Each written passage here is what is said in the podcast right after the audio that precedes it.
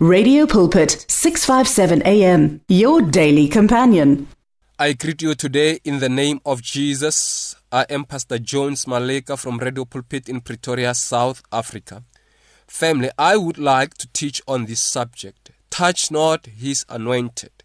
It is critical, family, for us to respect the anointing of God when a man is anointed by God we don't have to say whatever that seems right in our own eyes or before our own eyes. In other words, the Bible declares that we should judge prophecy, not a prophet. We don't judge a prophet, however, we have to judge a prophecy. So if we are to judge a prophecy, it means that we are to judge teachings. We are to judge teachings. So, whatever that is being taught and is not in line with the Word of God, we have to search the scripture to see if what is being said is from the Word of God or is a man's doctrine. So, if it is man's doctrine, so we have to judge it and we don't have to accept that as long as it is contrary to the word of God. However, judging a man, that is the work of God. That is God that will judge a man, not we as believers. So we have to be careful about what we say about servants of God or the anointed of God. As I said that, you as a believer, you are also anointed of God. God is fighting your battles. You don't have to fight your battles. God is at work. So God will bless those who bless you. God will curse those who curse you. We don't have to do cursing because that one it is not our work. The Bible does not instruct us to do that. So, family, it is so critical that we have to respect the anointing of God because if you don't respect the anointing of God and you speak negative words upon the work of God, the anointing of God, or the Spirit of God, actually that is not good for your life. That is not good for the lives of your loved ones. First Samuel chapter 19, let me read verse 3. From verse 3 Okay, I will start from verse 1. Now Saul spoke to Jonathan his son and to all his servants that they should kill David. They should kill the anointed of God. There were plans. People were plotting to kill David. But Jonathan, Saul's son, delighted greatly in David. So Jonathan told David, saying, My father Saul seeks to kill you. Therefore, please be on your guard until morning, and stay in the secret place and hide. I will go out and stand beside my father in the field where you are, and I will speak with my father about you. Then, what I observe, I will tell you. So, family, let us not attack men and women of God.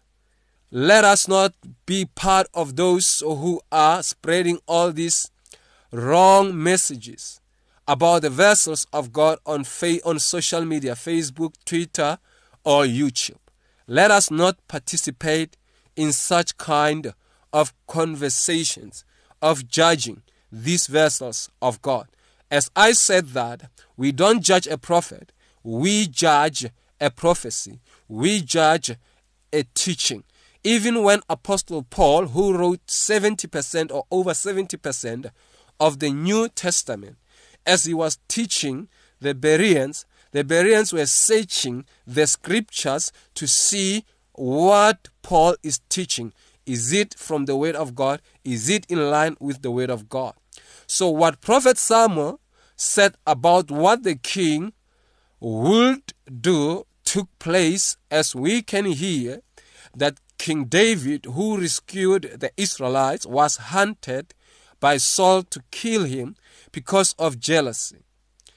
David had the opportunity to kill Saul, but he did not do that because King Saul was the anointed or the appointed one by prophet Samuel as the Israelites demanded. So, in other words, David respected the office of this man or of this king because he was appointed. He did not want to touch him.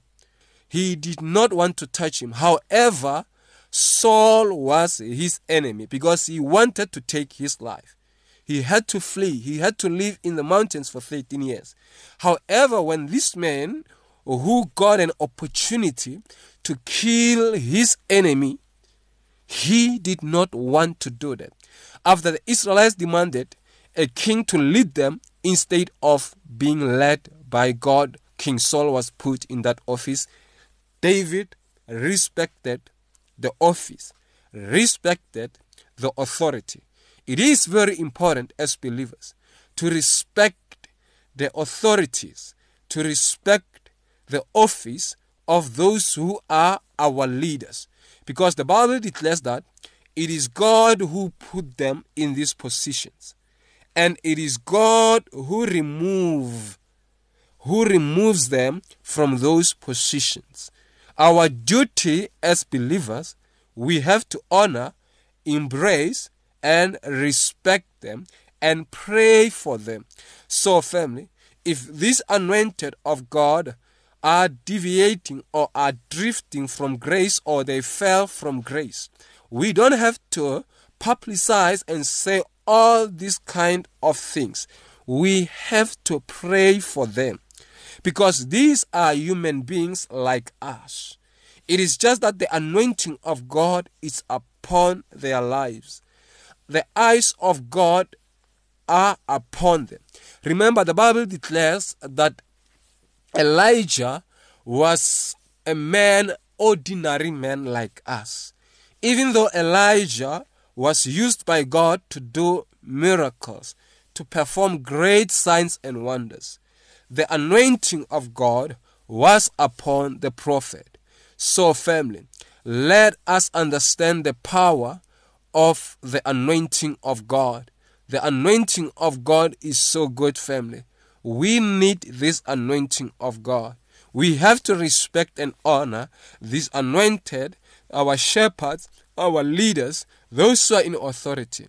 If we see that shepherds that are appointed by God have deviated from His will and His ways, we have to pray for them until they realize their mistakes and repent. If they do not repent, instead of bad mouthing them and cursing them and publicizing them on social media, we must leave and go to where God wants us to be. If you are in a place, in their house, and you feel like what is happening there is not right, the things that are being done are not right, you rather just move and go so that family you can have a place for greener pastures which is faith food for the sake of your spiritual growth. Instead of speaking all this negativity instead of bad mouthing this anointed of god so be careful family. David's life was at risk for 13 years but the lord was with him when he lived in the mountains for those 13 years. God's eyes and angels were on David, and he bestowed upon him favor with Jonathan, the son of King Saul, the enemy of David. David understood the power of a covenant. That is why he trusted Jonathan and that he would stand by him no matter what King Saul would do. We must be like David family and be fearless no matter what the devil is trying to do against us.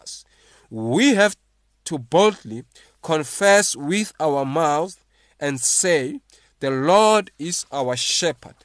The Lord is our shepherd. Let us read the book of Psalms 23, verse 1 to 6, New King James Version. The Lord is my shepherd. I shall not want. He makes me to lie down in green pastures. He leads me beside the still water. He restores my soul. He leads me in the path of righteousness. For his name's sake, yea, though I walk through the valley of the shadow of death. So, family, David was walking through the valley of the shadow of the shadow of death when King Saul wanted to kill him. For all 13 years, he was going through the valley of the shadow of death. I will fear no evil, for you are with me. Your rod and your staff, they comfort me. They comfort me. You prepare a table before me in the presence of my enemies. You anoint my head with oil, my cup runs over. Surely goodness and mercy shall follow me all the days of my life. I will dwell in the house of the Lord forever. Family, confession means possession. When we keep on confessing God's word over our lives, even though we are walking through the valley of death, through the valley of death, we will fear no evil because we believe that our confessions are more powerful than the situations that we are going through. We will always be at peace even when we go through diverse kinds of challenges. The Bible declares, Count it all joy when you go through this kind of challenges. Count it all joy because these things will never defeat you will never defeat you.